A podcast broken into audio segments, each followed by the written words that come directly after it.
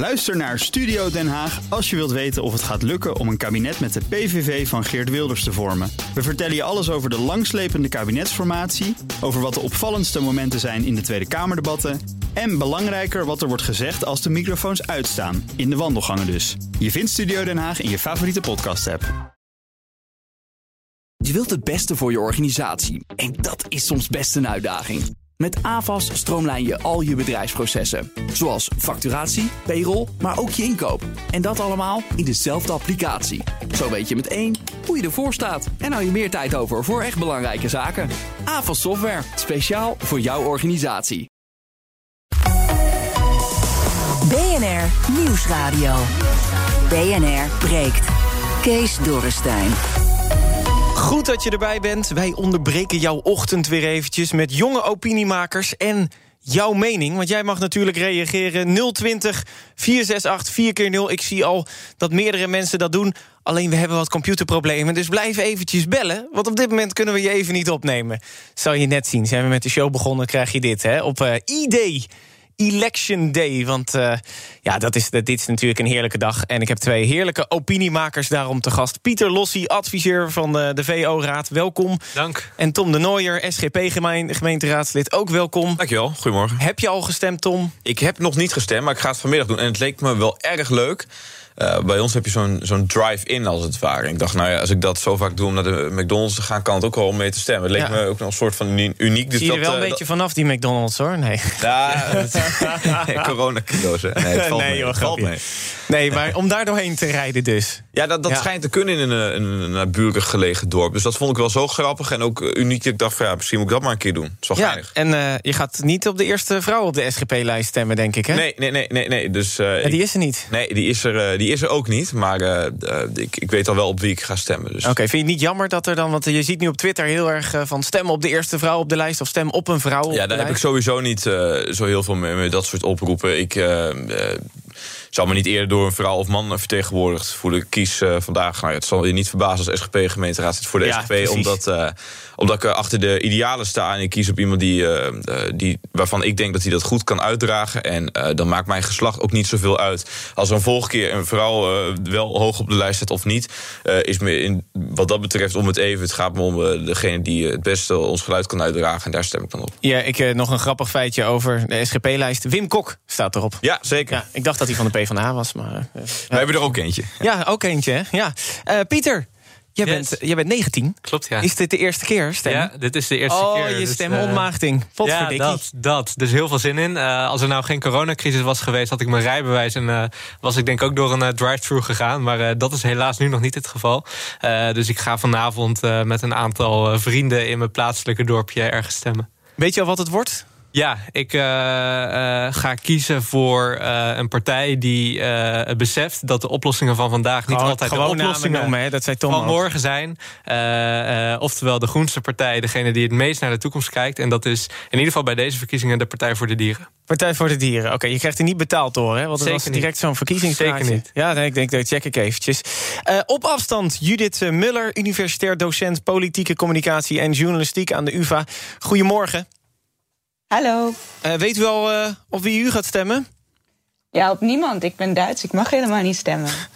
Wat voor dikkie. En dan hebben we een verkiezingsuitzending. Hebben we een Duitser in de show. ja, dat krijg je dan. Hè. Ik vind het ontzettend jammer, want het is zo'n mooi ritueel om te doen. En ik vond vooral het einde in Nederland zo fijn. Dat je je stem die je dan zo uitgebracht hebt in de afvalbak gooit. Dat is eh, echt zo'n mooie ironie bij de Nederlandse ironie, eh, Jammer dus- dat ik niet mee mag doen. Nee, geen dubbel paspoort dan? Nog niet, nee. Oh, nee, dat ja, anders. eh, he- helaas dan. Maar eh, ik heb je niet voor niks in de show zitten. Want eh, ik ga met jullie praten over. BNR breekt. Breekijzer. Ons breekijzer vandaag. Nederlanders zijn te slecht geïnformeerd over de partijprogramma's... en daarom zijn er zoveel zwevende kiezers. 020 468 4 keer 0 Denk je eens? Want ja, weet je, ik wist eigenlijk ook helemaal geen... eh, ik had helemaal geen idee op wie ik zou moeten stemmen. Of denk je oneens? Ik weet precies op wie ik stem, wat er in het programma staat. Mensen zijn echt wel goed ingelezen, maar dat doen ze een beetje last minute. 020 468 4 keer 0 eh, daar naartoe kan je bellen. Jan heeft dat gedaan. Goedemorgen, Jan. Ja, goedemorgen. Bent u een ja, beetje ik- op de hoogte? Ik ben eh, zeker op de hoogte. Van de partijprogramma's? Maar wat ik belangrijk vind... Mhm. Wat zegt u? Van de partijprogramma's begrijp ik dan. Van de partijprogramma's ben ik op de hoogte. Maar het is eigenlijk toch het beste om ze af te rekenen op hetgene wat ze beloofd hebben bij de vorige, vorige verkiezingen. En niet zijn nagekomen. Want de beloftes die zijn altijd heel mooi. Maar wat er dan in werkelijkheid gebeurt, is altijd toch weer iets anders. En je hebt ook bepaalde beloftes in, eh, in, in, in, eh, bij D- D66 bijvoorbeeld van het voltooid leven. Dat men afscheid kan nemen van het leven. Ja, dat denk ik bij mezelf van... waarvoor moet je mensen die depressief is afscheid laten nemen van het leven... als je eh, na een half jaar beter kan zijn... door andere voeding te nemen bijvoorbeeld. Wat Maar, maar Jan, is. heel eventjes. Dus ik, eens of oneens, zijn Nederlanders te slecht geïnformeerd? Het, eh, naar verhouding zijn ze te, slecht geïnformeerd. Maar als je dus even op internet gaat kijken en je, je beluistert de dingen, maar er, zijn nu heel veel eh, eh, oppositiepartijen die heel slecht naar voren zijn gekomen. Maar als je lijst 13 neemt, stem 2, dan zit je altijd goed. Lijst 13, stem 2. Oké, dan mogen mensen zelf uitzoeken welke dat is. Jan, dank je wel daarvoor. Lisander, goedemorgen. Ja, goedemorgen. Ik eh, ben echt wel een eh, zwevende kiezer geweest als het gaat om alle partijvoorstellen. en ik, vind, ik ben het er eh, mee eens dat het Nederlandse publiek waarschijnlijk te slecht geïnformeerd is. En dat komt door de enorme hoeveelheid informatie die je eigenlijk wel op elke partijwebsite terugvindt. Dus om daar dan je doorheen te, te banen, dan kan je best wel overspoeld worden. En ik heb me dus eigenlijk, dus buiten hetgene wat ik online heb kunnen lezen, heb ik me vooral laten leiden door de coronatijd, eh, gelegenheid eh, de politieke partijen te kunnen zien live op de politieke eh, channel. En toen heb ik dus echt gewoon duidelijk kunnen, een beslissing kunnen maken. Uiteindelijk voor eh eh, Wieberen eh, van eh, de eh, voor. Van Forum voor Democratie. Maar Lisander, ehm, Absoluut. En dat is omdat hij dus het meest uitgelegen persoon was. Die ook op een hele rustige manier, maar wel duidelijk, gewoon geen, niet eromheen draait. Gewoon het eerlijke. Oké, nee, Li- Lisander, dat lijkt me duidelijk. Eh, u zegt, eh, u heeft zich goed voorbereid. Even dan drie punten uit het forumprogramma, uit uw hoofd. Nou, dan in ieder geval eh, dat een hele hoop zaken die kapot zijn gemaakt, dat die eerst weer ontdaan worden. En ik denk dat iedereen dat zich voor zichzelf uh, Oké, punt, punt nummer twee dan?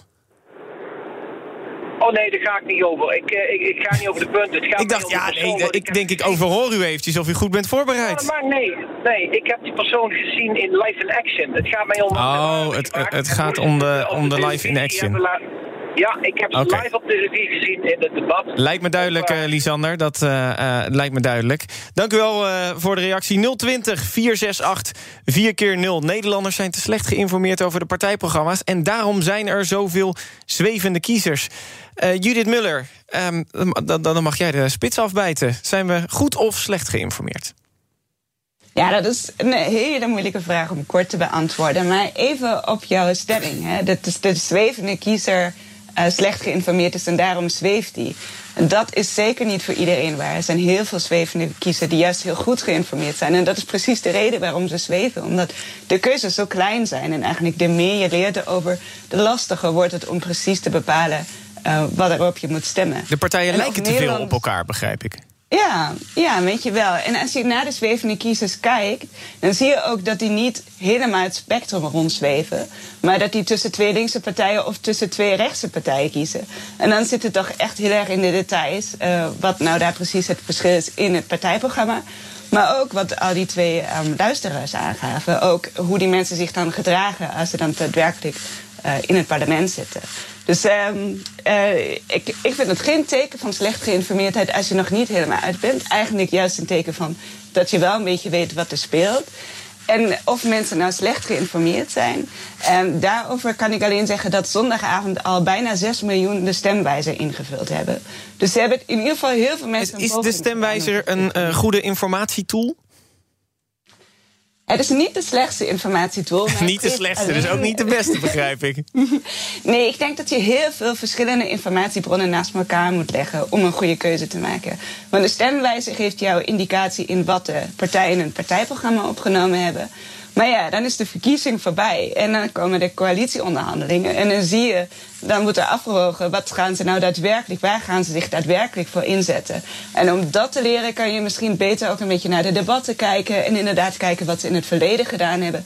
Dan geeft een betere indicatie waar ze zich echt hard voor gaan maken. Maar over Ja, die debatten gesproken. eh, gisteren, eh, 2,2 miljoen mensen keken naar het slotdebat. Eh, vooral, ja, misschien wel vanwege de eh, eh, ruzie tussen Kaag en Wilders. Ik ging naar Iran als minister van Buitenlandse Zaken om de veiligheid van de regio en Israël te bespreken. En als ik dan noodgedwongen door de wetgeving een sluier om moet doen, dan doe ik dat, want het dient een internationaal en nationaal heeft. belang. Nee, Verraden. nee. Ja. Ik accepteer dit niet, want dit was een verraden. opdracht in landsbelang, meneer Wilders. U moet er nog eens een keer van leren om uw eigen opdracht te zetten. Zijn die debatten nou een juist middel of eigenlijk gewoon puur entertainment? Is dat een vraag aan mij? Ja, ja, zeker. ja, eh, ja eh, het, zijn, het is een goed middel om iets te leren. Ook dat het kan weer niet het enige middel zijn. Maar het, geeft wel, ehm, het helpt je wel om een beslissing te nemen omdat het bepaalde heuristieken in je aanspreekt. En wat is dat nou? Dat is een soort afkorting in je hersenen, waar je zonder dat je al heel veel moet leren en lezen, toch ehm, een beetje kan leren over wat voor mens dat is. En een voorbeeld bijvoorbeeld uit Amerika, daar was de president Gerald Ford. En die was op bezoek in Mexico en daar werd hem een tamale aangeboden. En eh, daar at hij op met de verpakking eromheen, omdat hij niet wist wat dat was. En dat is dus een heel goed manier om te zien dat dat een politicus was die dus niet zo bekwaam in de wereld is. En dan kan je middels die heuristiek eigenlijk best veel over die beste man Oh, leren. wat ik, wat ik heb dan wel inhoudelijk lijkt het gewoon een beetje, ja, een beetje platgeslagen gisteren. Ik vond het eigenlijk best saai eigenlijk, het slotdebat gebeurde. Er was wel een ruzietje, maar inhoudelijk leerde hij niet heel veel ervan, had ik het idee.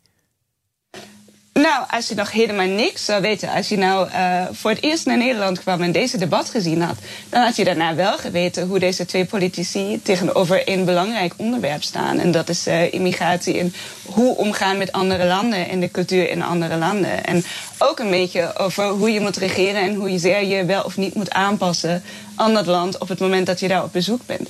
Dus als je nog helemaal niks zou weten, is dat een best informatieve uitwisseling van informatie. BNR breekt. Kees Dorrestein. Ja, samen met eh, Pieter Lossi eh, en Tom de Nooijer als panelleden hier bij BNR Breekt. Even lekker je ochtend onderbreken over de stelling ehm, dat wij in Nederland te slecht van de partijprogramma's afweten... en daarom zoveel zwevende kiezers hebben. Eh, Tom, we hadden het net eventjes over het debat gisteren ge- gezien... of wat van meegekregen. Ja. Ehm, is het een juiste informatiebron of is het eh, toch meer schelden op elkaar geworden... of in ieder geval boos zijn op elkaar? Nou, je zag dat eigenlijk de, de, de waar ik, wa- wat ik denk is dat de meeste partijen het eigenlijk wel met elkaar eens zijn. En of je nou VVD of GroenLinks stemt, als het gaat om klimaat, dan zal, zal de ene zeggen ja, het moet, dan zal de ene de focus leggen, de VVD op, op haalbaarheid en betaalbaarheid, en GroenLinks zal de focus leggen op ja, we moeten zorgen dat we die doelen echt gaan halen. Maar als je kijkt naar de afgelopen vier jaar, is er gestemd over een klimaatwet. Waar ze beide mede-indiener van waren. En dat was de belangrijkste wetgeving op het gebied van klimaat. Dus er zaten heel weinig verschillen tussen die partijen. De enige partij die gisteren aanwezig was, die tegen die klimaatwet was, was de PVV. Die wijkt daar radicaal vanaf. Die heeft daar destijds tegen gestemd samen met Forum voor Democratie en de SGP. Die drie, plus de Partij voor de Dieren, maar dat was om een andere reden. Die vonden het niet ver genoeg gaan. Fair enough. Maar je ziet dat alle partijen het eigenlijk in grote lijnen met elkaar eens zijn. Een ander debatje wat ik gezien heb tussen Marijnissen en Ploemen. Nou, ik heb Ploemen wel drie, vier keer horen zeggen dat we elkaars bondgenoten zijn. Dat we het eigenlijk Ja. wel eens zijn over elkaar. Dus, en ik denk dat uiteindelijk de, de, de, de grote tendens dat de meeste partijen, of je nou CDA, VVD of Partij van de Arbeid stemt, als het gaat om migratie, meer migratie, daar eigenlijk niet veel aan doen. Meer Europese Unie, meer klimaatwetgeving. Daar hebben al die partijen in de volle breedte, behalve de PVV, als je kijkt naar de grootte van gisteren, zijn er altijd voor geweest de afgelopen vier jaar. Als het Maar is zo'n de debat dan een toevoeging? nou, ik vind het in. Het gaat er dus eigenlijk soms weinig over wat er de, de afgelopen periode is gebeurd. En daar kijk ik heel erg naar. Want die mooie praatjes, ja, die zijn soms een Toch dag weer wat de de luisteraars ook zeggen eigenlijk. Wat, wat hebben mensen gestemd? Dus Precies, de nou, de, de, de inbeller die noemde eh, D66 al. Ja, D66 was, is toch altijd groot pleitbezorger geweest van directe democratie. Maar schafte het referendum op eigen initiatief van Olongren af. eh, de het raadgevend referendum Het was dat, want ze hebben dan eh, wel weer gestemd voor het bindend referendum. Nou, dat, maar niet op eigen initiatief, want da, da- die hebben ze destijds ook ingediend, maar hebben ze zelf hun handtekening teruggehaald. Eh, Ze hebben hun Mhm. handtekening onder hun eigen wet weggehaald... en hebben ze aanvankelijk zelfs ook nog eh, tegengestemd. Dat is al onge- ongelooflijk voor een partij die voor directe democratie zegt te zijn. Dus kijk inderdaad, als mensen nog twijfelen... ja, je kunt een stemwijzer invullen. Dat is goed om te weten misschien waar een partij van ori- origine staat. Maar Mhm. kijk vooral van wat hebben ze ervan waargemaakt die afgelopen periode. En dan zul je zien dat de meeste partijen op al die grote thema's... het de afgelopen periode eigenlijk wel eens waren. En dat gisteren alleen de PVV zich afzonderlijk positioneerde. Eh, Pieter, ehm, hoe heb jij je voorbereid op jouw eerste keer stemmen? Ja. Qua, qua inlezen. Eh, ik heb heel veel eh, verkiezingsprogramma's eh, gelezen. Bij mij staat altijd debat direct ook aan. Ik ben zelf de student politicologie ook. Tom ook trouwens. Ja, dus- dan zit het er ook wel een beetje in, ja, denk ik. Hè? zeker. Dus dat doen we van, van nature wel. Ik ben het alleen niet helemaal eens met Tom. Tom doet net namelijk alsof partijen het dus heel erg met elkaar eens zijn... dat het kleine details zijn. Terwijl, ja, inderdaad, heel veel partijen hebben bijvoorbeeld de klimaatwet getekend. Maar dat is natuurlijk voortgekomen uit een heel democratisch proces... waarin ook heel veel partijen van heel ver moesten komen. En, en nu gaat het om de toekomst. Eh, gaat het er bijvoorbeeld ontspannen of we onder de 2 graden blijven of daarboven gaan? Dan kan je zeggen, nou, dat eh, scheelt 0,1, 0,2 graden. Uiteindelijk betekent dat wel duizenden miljarden euro's, eh, eh, mensenleven, dierenlevens, vind ik geen klein detail. En, en mee eens dat we moeten kijken naar het verleden. Maar wat ik juist deze campagne heel erg gemist heb, kijk bijvoorbeeld naar een VVD, die hebben het alleen maar over Mark Rutte gehad en of hij patat of friet zegt en eh, wat hij in de erwtensoep Is het doet. met dat soort dingen ook dan lastiger om je als kiezer te laten informeren? Of moet je dan ook gewoon denken: nee, ik, ik, ik kijk niet naar de talkshows, ik kijk niet naar de debatten. Ik ga gewoon echt eens een keer in die programma's duiken. Volgens mij is dat een, een, heel goed idee. En dan eh, eh, zou je ook bij die eh, kieskompassen en, en bij die stemwijzers goed in je achterhoofd moeten houden dat in ieder geval bij de stemwijzer partijen zelf mogen invullen of zij eens of oneens met de stelling zijn. Dus dan zie je bijvoorbeeld bij het leenstelsel dat een VVD zegt. Kan je nou, wat creatiever invullen? wij zijn neutraal. Zij weten, een meerderheid van Nederland wil dat leenstelsel weg. Terwijl als je gewoon in het partijprogramma kijkt, staat er dat zij voor het leenstelsel zijn. Eh, dus eh, ja, je moet echt heel erg eh, inlezen en affiniteit hebben met politiek. En, en die partijprogramma's snappen, wil je echt enigszins een, een gedegen afweging kunnen maken. Je luistert naar BNR Breekt om je ochtend te onderbreken met ons breekijzer vandaag. Nederlanders zijn te slecht geïnformeerd over de partijprogramma's... en daarom zijn er zoveel zwevende kiezers.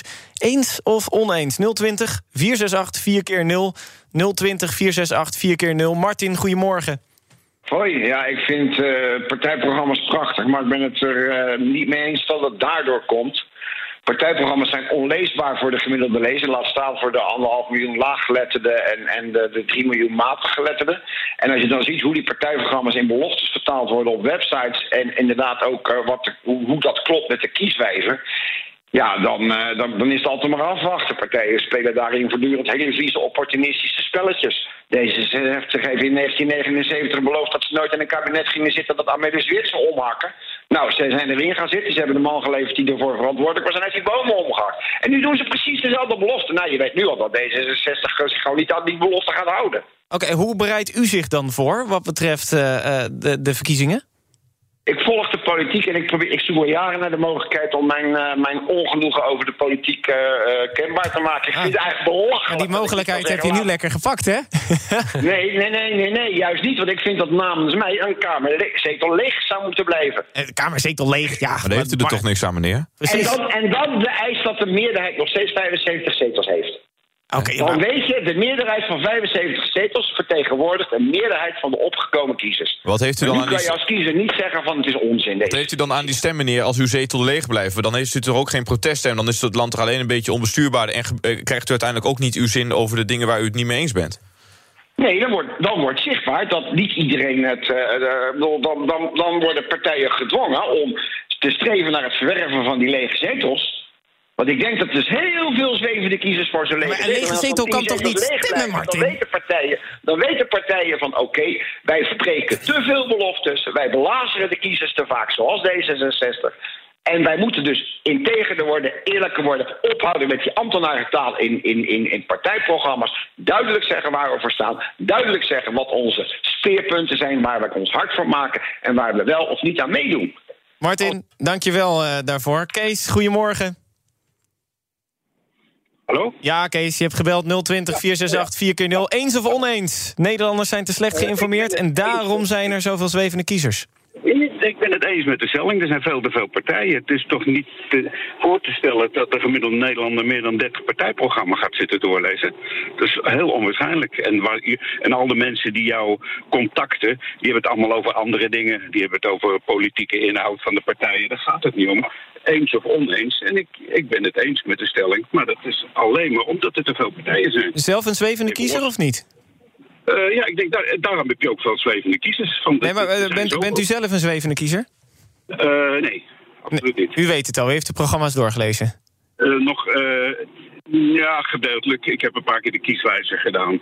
Maar dan kom je ook weer, wat mij daar opvalt, dat de helft van de vragen kan je niet met goed fatsoen beantwoorden over zorg en over ouderen en over euthanasie. Dat zijn problemen, daar kan je niet eventjes ja of nee op zeggen.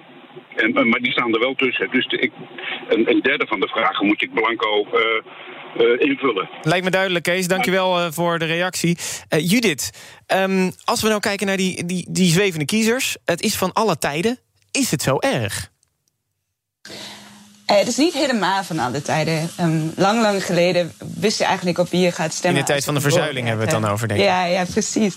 En, en juist daar zeg maar, vraag ik me af hoe goed geïnformeerd mensen toen waren. Of, of ze het gewoon overnamen en dachten... ja, ik ga sowieso de SGP stemmen... want dat is de partij waar mijn ouders op stemmen. Dat is altijd verstandig. Dus, um, ja, ja. Tom direct even reclame maken, hè, Smeerlap? Godverdomme. nee, maar, maar dus juist het moeten kiezen en juist het moeten uitzoeken... is ook een goede reden om je te informeren. Um, want um, ja, nu heb je een echte keuze en nu ligt het echt aan jou. En je gaat van verkiezing tot verkiezing maar, kijken. Maar hoe maken we ze dan we minder zien de zwevend? laatste jaren. Sorry? Hoe maken Maak we de kiezers minder zwevend? Door een goede campagne te voeren. Er is onderzoek naar zwevende kiezers. En die laat zien dat als zwevende kiezer zich in de campagne openstelt voor informatie, dat hij heel veel kan leren en heel veel um, meer kans maakt om daadwerkelijk te gaan stemmen en goed geïnformeerd te stemmen. Dus een goede campagne kan echt veel betekenen voor de zwevende. En, maar wat is dan een goede campagne? Een campagne die aansluit bij de informatiebehoeften van de zwevende kiezer. Dus die de vragen beantwoordt die de zwevende kiezer heeft en, en ook de zwevende kiezer bereikt. Dus de, de campagne waar Pieter het net over had van Rutte, van stem gewoon weer op de premier, is eigenlijk dan geen goede campagne, begrijp ik zo? Of heb ik het mis? Um, ik denk niet dat het een goede campagne was om mensen goed te informeren over waar de VVD voor staat. Het was wel een hele slimme campagne vanuit het perspectief van de VVD, lijkt mij. Tot slot nog de vraag van Martin, uh, die we net spraken. Die zei: ja, verkiezingsprogramma's zijn te ingewikkeld. Uh, bent u het daarmee eens? Ja, daar ben ik het zeker mee eens. Uh, um, maar die moeten ook zo ingewikkeld zijn, omdat die heel veel vragen moeten beantwoorden. Ze moeten wel echt duidelijk maken waarvoor ze staan. En daardoor is het noodzakelijk dat die heel ingewikkeld zijn. Maar er zijn manieren om dat beter uit te leggen. En dat is precies wat een goede campagne doet: om de moeilijke verkiezingsprogramma toegankelijk te maken voor iedereen. Dank Judith Muller, universitair docent politieke communicatie en journalistiek aan de UVA. En even onze huisduitser over de Nederlandse verkiezingen. Dat ga ik nog horen van de eindredactie. Zometeen praten we hier verder over jouw favoriete kroeg in BNR Breekt. Want die bestaat straks niet meer, zegt in ieder geval Koninklijke Horeca Nederland. En de schuld daarvan is de bank. En de Bretonse coronavariant komt eraan. Ik wil heel graag weten hoe bezorgd het jonge opiniepanel daarover is. Zometeen. BNR Nieuwsradio. BNR breekt. Kees Dorrestein. Goed dat je er nog steeds bij bent. Pieter Lossie, adviseur van de VO-raad, is mijn linkerpanellid. Tom de Nooijer is mijn rechterpanellid. Uh, dat is toevallig ook een beetje waar ze op stemmen. En hoe ze zitten in de studio is niet expres gekozen. We gaan uh, jouw dag uh, weer lekker breken. En vooral jouw ochtend. Want het is woensdag, hè, midden van de week. Stemdag, de, de 17e. Um, en ook een heel klein beetje horecadag. Pieter, wat is jouw favoriete kroeg? Ja, ik moet zeggen dat ik ongeveer uh, toen de coronacrisis uh, uh, in deze wereld kwam, ik 18 werd. dus dat ik zelf nog amper ervaring heb met kroegen oh, dat in is deze tragisch. wereld. 18 geworden in de coronacrisis, Ja. dus je kan niet even zuipen om het maar zo te Ja, zeggen. daar komt het op neer. Nou, Tom, wat is die van jou? Maar ik probeer het eh, altijd eh, binnen de perken te houden. Dus Ja, dat moet jij zeggen als eh, politicus. eh, Nou, nee, Van de SGP. Het is ook zo. En ik drink sowieso eh, weinig. En dat is, dat is misschien wel ook geinig om te zeggen. Ik ben een student die nu thuis woont. En ik merk altijd dat dat precies tegenovergestelde is van de student die niet thuis woont. Want de student die op kamer zit, die drinkt door de week gewoon continu met, met huisgenoten. Bij, eh, en, die in het weekend eh, misschien eh, bij. Bij zijn papi en mammy. En ik eh, ga er misschien in het weekend wel eh, naar mijn vrienden toe en drink dan wat. En door de week thuis eh, eigenlijk vrij ja. weinig. Het is Maar goed, lastig om aan de keukentafel dronken te zitten met je nou, ouders. nou, dat, dat kan ik sowieso in ieder afraden. Maar ook thuis doe ik dat eigenlijk niet zoveel. maar maar nog goed, steeds, anyway, welke kroeg is het? anyway, als ik, soms ga ik naar vrienden van me toe die studeren in, in Groningen. En daar wil ik s'avonds wel eens een eh, drankje drinken bij de drie gezusters. Ja, Dus, eh, dat- met de ronddraaiende bar eh, is dat, dat is toch? een hele bekende inderdaad. Dus ja, nee, daar, daar ga ik af en toe wel eens, wel eens langs. Vind ik heel gezellig om daar ook medestudenten te treffen. Maar het goed is al natuurlijk een hele tijd niet meer gebeurd. Dus Nee, ja, da- daarover gesproken. Koninklijke Horeca Nederland zegt dat de Nederlandse banken de horeca laten vallen. Ze willen de kredieten niet versoepelen en dus komen de kroegbazen in geldnood. ABN ontkent dat dan weer. Ze zeggen we zijn vooral kritisch op bedrijven die hun zaakjes al voor corona niet op orde hadden. Pieter, is dit asociaal of gewoon goed ondernemerschap van de banken? Poeh, daar, daar vraag ik me wat. Uh, kijk, het is zo dat, dat iedereen natuurlijk in de coronacrisis uh, uh, heeft te lijden. Ik denk dat het zeker niet, niet geheel onterecht is om uiteindelijk te kijken naar wat, wat heeft leven hierna. Wat, wat is toekomstbestendig en, en heeft veerkracht om, om straks rendabel te zijn. En wat niet. Tegelijkertijd, ik bedoel, niemand heeft gekozen voor deze coronacrisis. Vind ik zeker van banken die wij ook bijvoorbeeld in de economische crisis als belastingbetaler, uh, daar zijn we solidair mee geweest, zodat die banken niet omvielen. Uh, ik verwacht enigszins ook uh, wat solidariteit van die banken terug nu voor de, voor de MKB'ers in dit land uh, die het nu zwaar hebben. Nou, Koninklijke Horeca Nederland zegt dit ook. Die zeggen, de banken zijn gered met gemeenschapsgeld. Doe dan ook eens even wat terug, Tom. Ja, daar kan ik me wel uh, in vinden. Ik, vind, ik ben niet voor staatsbanken en dat soort uh, dingen. Maar ik vind wel dus dat banken dus ook zelf dan uh, moeten inzien welke, verantwoordelijk welke verantwoordelijk verantwoordelijkheid ze in deze hebben. Uh, dus om dan ook uh, ja, te zeggen van we zijn uh, solidair met bijvoorbeeld de horeca. En als het gaat om verstrekken van kredieten zijn we daar soepel in. en nu wordt er dan gesproken over ja, we doen aan maatwerk. Maar doe dat dan ook echt. kijk wat daarin mogelijk is. Zie ook de, de wil van die ondernemer om er echt nog wat uh, van te maken. Dus dat je geld ook alweer terugkrijgt. En als de boel zo meteen weer goed gaat dus lopen. Iets, iets meer risico nemen voor de banken? Nou, ik kan, ik, nogmaals, ik ben niet voor staatsbanken. Dus ik ga dat niet voor die banken bepalen. Maar ik kan er wel een oproep doen. En ook zeggen van joh. Als die verantwoordelijkheid bij je ligt, pak hem dan zelf ook. En wees daar dan uh, ook niet bijvoorbeeld te star in. Misschien is het ook wel.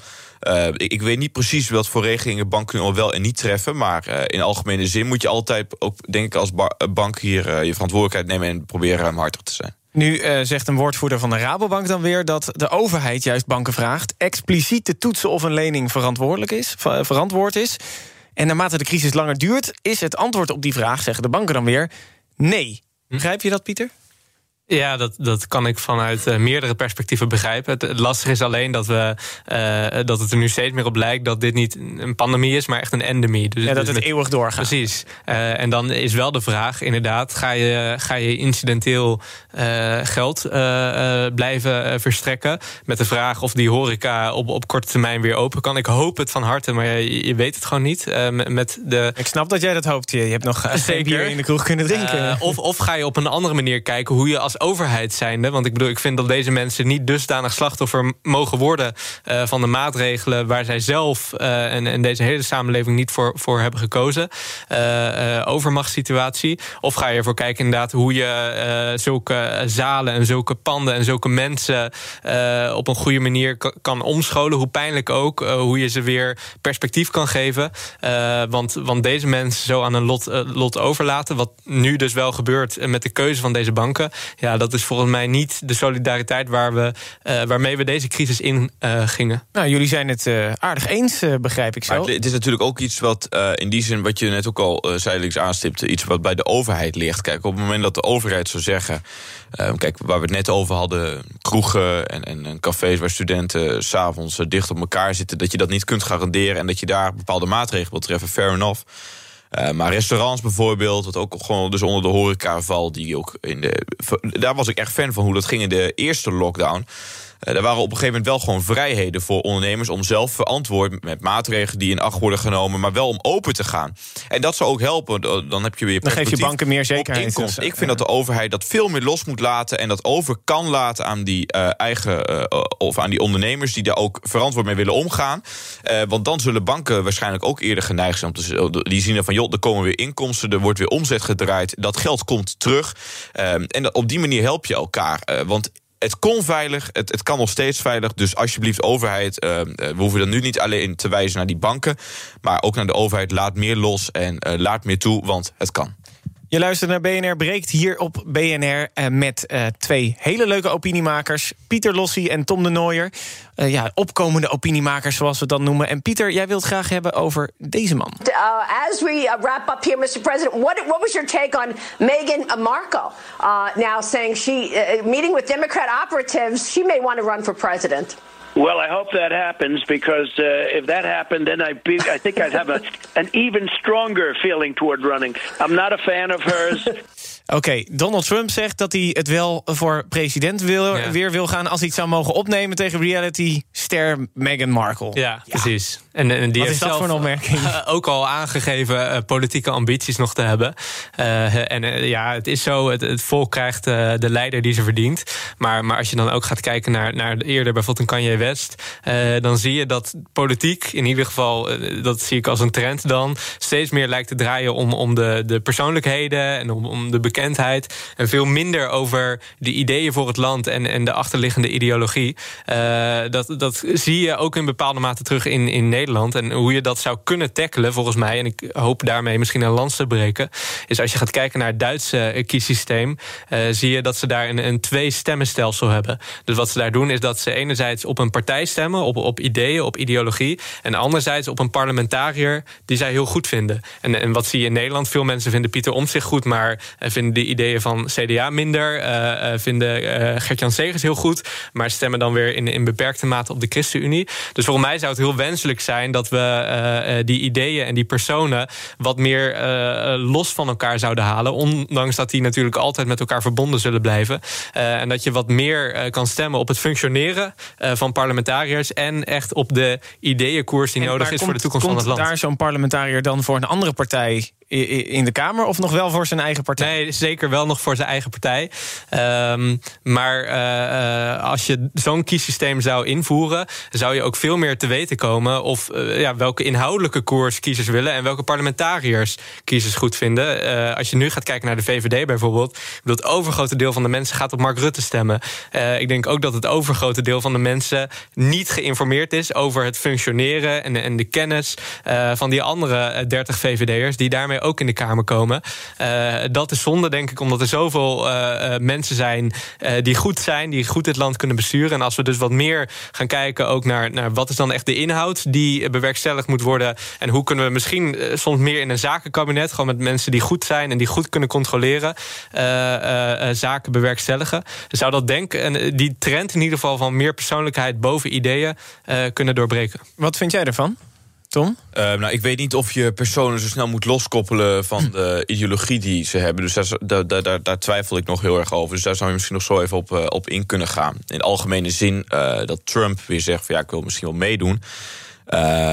ik ben het niet helemaal eens dat het bij Trump alleen ging om de persoon. Tuurlijk, het was een aansprekend persoon voor velen, maar hij stond ook echt voor een bepaalde eigen ideologie die ook wel de Republikeinse Partij inhoudelijk heeft uh, opgeschoven. Hoef alleen maar naar het buitenlandbeleid uh, te kijken.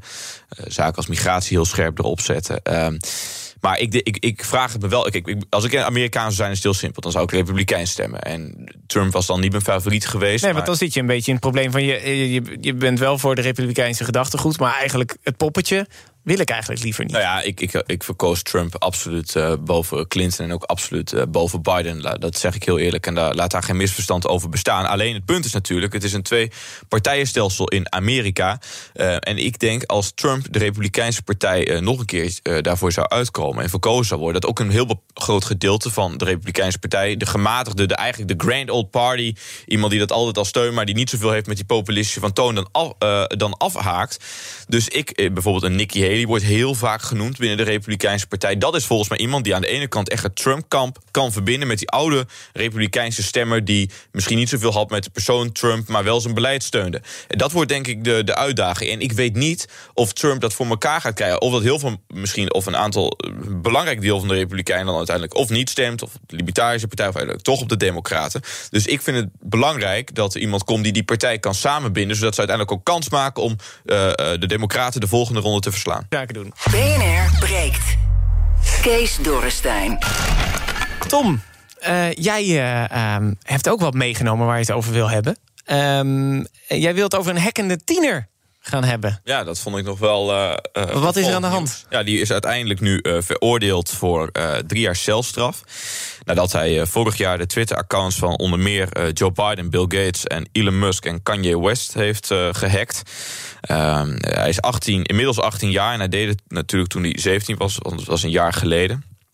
Uh, maar hij had destijds opgeroepen om geld over te maken naar een bepaald rekeningnummer, dat hij dan zou gaan verdubbelen. Daar heeft hij flink ja, een soort van bitcoin-achtig ja, dingetje. Ja, ja, ja, ja, en uh, daar, op die manier heeft hij in totaal 117.000 dollar, omgerekend 98.000 euro mee verdiend. Uh, maar zo zie je maar wat de impact kan zijn van het hacken. Ik, uit, uiteraard, ook al was hij minderjarig, zoiets is terecht strafbaar. Dus dan moet, moet je ook voor vervolgd worden en, en uiteindelijk dus veroordeeld. Maar hoe het mogelijk kan zijn dat, uh, dat je tientallen accounts in handen krijgt. En dat je dus ook accounts met maatschappelijke relevantie en impact daar zo gemakkelijk bij kunt. Dat verbaast me nog altijd dat Twitter dat eigenlijk niet op orde heeft. En dan zou je aan de maar dat moet je zelf ook op orde hebben. Gewoon twee-stapsverificatie en dat soort dingen, toch? Ja, dat is waar. Uh, maar dus, ik, ik weet niet precies hoe de, hij deze in handen heeft gekregen. Maar uh, het, is, het is ook voorgekomen. Misschien kennen we nog dat account van Geert Wilders... dat opeens veranderde in een gek poppetje. En dat kwam gewoon via medewerker van Twitter waar ja. ze bij waren gekomen en hij, die kon in het systeem. Uh, dus dat was ook wel degelijk uh, te wijten aan uh, nou ja, laakbaar beveiligingssysteem van Twitter zelf.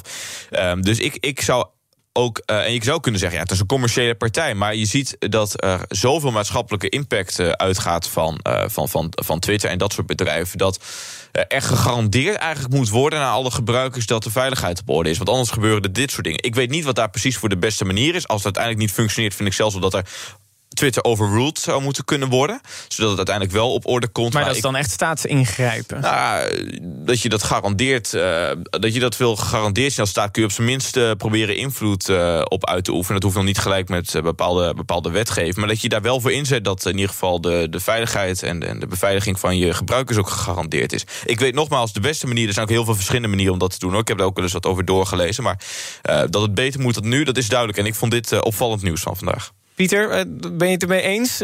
Strakker beveiligen, ligt het eigenlijk de schuld eigenlijk bij zo'n mediabedrijf? Uh, ja, deels. Dat is natuurlijk gewoon een nalatigheid. Dus dat is uh, pijnlijk. Volgens mij ligt ook wel een deel in het onderwijs. als we leerlingen meer opleiden rondom die digitale vaardigheden... en zeker daar ook het ethische aspect, het burgerschapsaspect aan toevoegen... hoop ik ook dat er minder van zulke minderjarige nou, hackers zullen komen... die niet ethisch hacken. En ik maak me wel wel zorgen over inderdaad. Uh, we hebben het ook in Nederland gezien dat bijvoorbeeld de lijsttrekker van uh, de Piratenpartij een paar dagen geleden uh, een Twitter-account out of the running zag verdwijnen. Um, en ja, dus het heeft grote maatschappelijke gevolgen hoe, hoe social media bedrijven, ook mediabedrijven, hun, hun infrastructuur en hun, en hun keuzes hebben ingericht. en uiteindelijk ook met de opkomst van bijvoorbeeld deepfakes of zo, zullen we toch moeten nadenken. Die commerciële bedrijven die op geen enkele wijze een vorm van democratische legitimiteit hebben. En Mhm. die wel dusdanig sturen uh, uiteindelijk rondom om democratische keuze. En daar zoveel invloed uh, op hebben. Hoe kan je dat inderdaad uh, beter reguleren? Hoe kan je, dat, hoe kan je beter verzorgen dat die randvoorwaarden, zowel democratisch als juridisch als ethisch juist zijn? We gaan even kijken wat er op dit moment trending is op social media. Nou, de hashtag van vandaag is ik stem. Dat, eh, daarmee delen mensen foto's en de rode potloodjes die ze hebben meegekregen. Maar ook TK 2021 en Tweede Kamerverkiezingen zijn allemaal eh, trending. Rutte is ook trending, want je, je hoorde het misschien net ook eh, in het nieuws... eh, dat hij gestemd heeft. BNR die was daar ook bij. Op wie heeft hij nou gestemd? En u heeft gestemd inderdaad op Tamara van Ark, de nummer 2? Ja, ja, met volle overtuiging. Het is een fantastische collega. Echt een, een, een topper en, eh, en een geweldige minister ook. En dan de belangrijke vraag, ja, wat gaat het worden vandaag? Want eh, in de peilingen een beetje gezakt de VVD, maar nog steeds de grootste. En daarmee is het heel spannend. Ik, ik ga niet ervan uit dat ik het al weet. Eh, ik, ik zit echt vanavond uh, tandenknarsend voor de televisie. Nagelbijtend. En misschien nog wel spannender, de nummer 2. Op welke partij hoopt u? Nou, ik ga eerst kijken wie nummer 1 wordt. Dat vind ik eigenlijk het belangrijkste. En verder uh, gaan we het daarna verder zien. Ik heb alleen gezegd, uh, zouden wij mogen meedoen in de volgende formatie... dan is het uh, CDA op zich voor ons een prettige coalitiepartner. En ik dacht ook omgekeerd. Maar verder, ja, maar eens kijken. En tot slot eindigen we met Farid Azarkan, de denkvoorman. Die werd zondag op de hak genomen door Arjen Lubach in zijn programma... omdat hij niet kwam opdagen bij Nieuwsuur. Hij had er een rapversie gemaakt op het nummer Empire State of Mind... van JC en Alicia Keys. Uh, uh, hey Farid, waar ben je dan? Ben je echt die bange man? Ben je echt zo laf of ben je Farid fucking Azarkan? Wat vindt toen een hand daarvan? Denkt die dat je wol aan kan? Lekker in je caravan met de lange arm van Erdogan. Maar ja, Azarkan was niet voor één gat te vangen. Die dacht, weet je, ik kan ook rappen. Ik doe ook even een bo boodschap terug aan Lubach. Ah, ah. Hey Lubach, dan, Farid fucking Azarkan. Tuurlijk was ik niet echt bang, ik was een beetje ziekjes man. Dus belden ze toen aan, die mocht niet van Erdogan. Daarom dat we skipten land en chillden met de achterban. Toeren met de caravan van Rotterdam tot Ede. Nog even langs de steden, alles blijven geven. Tom, goeie grap. Ja, op zich wel. Uh, volgens mij was hij er wel een beetje inconsistent. Want hij zei eerst dat hij ziek was. En daarna zei hij, ja, we waren zo druk, we waren aan het toeren. Dus we hadden er geen tijd voor. Dus hij, ik, dat, dat vond ik oprecht wel een, uh, wel een dingetje. Want hij heeft eer, eerst serieus lopen te verkopen. Ja, ik ben, ik ben echt ziek. En ik was, nee, ik was oververmoeid eerst nog. Dat was het eerste verhaal. Toen was het, ik was ziek. Toen heeft hij er bij WNL nog een vaag uitleg over gegeven. En nu komt hij er eigenlijk eerlijk vooruit dat hij er eigenlijk helemaal geen zin in had. Maar denk ik, wees dan een echte vent. Uh, en zeg dan gelijk in het rappie dat je de boel hebt genept. En dat je er eigenlijk geen schik in van had. Dat is, uh, dat is volgens mij het eerlijke verhaal. En uh, kies er dan ook voor in plaats van dit, dit soort smoesjes op te hangen. Pieter, is dit een goede comeback? Ja, leuk natuurlijk. Ik uh, zag hem toevallig gisteren op Clubhouse ook. Heb even geluisterd naar zijn uh, verhaal hierover in de avond. Uh, dat is echt in een paar uur is dit opgezet. dit is echt gisteren ook bedacht. Dus nou, respect voor die snelheid. Tegelijkertijd heb ik wel weer zoiets als dit. Laten we zeggen, het nieuws is op, op 17 maart. terwijl we net een coronacrisis hebben gehad. En, en mensen zitten in de put. En, en in de toekomst hebben we een klimaatcrisis, een biodiversiteitscrisis. We moeten zoveel oplossen. En we gaan het hierover hebben ja, dat vind ik dan wel weer een beetje de, oppervlakkigheid van de politiek die ik nu zie. Om het over corona te hebben, ik wil het nog met jullie hier in BNR Breekt... Eh, met Pieter Lossie en Tom de Nooijer, opiniepanel... nog over één laatste ding hebben wat betreft corona. De Bretonse variant. Die is in een ziekenhuis in uh, Lannion, in het noordwesten van Frankrijk, uh, aangetroffen. 79 gevallen werden getest. Bij acht patiënten kwam het niet uit de PCR-test. Dus moesten ze nog een extra DNA-test doen... om te ontdekken dat ze ook echt daadwerkelijk besmet waren. Een nieuwe variant dus, die we niet kunnen waarnemen. Uh, Pieter, maak je je zorgen? Ik maak me heel veel zorgen, uh, zeker. Uh, en tegelijkertijd uh, vind ik het ook een beetje naïef van ons allen.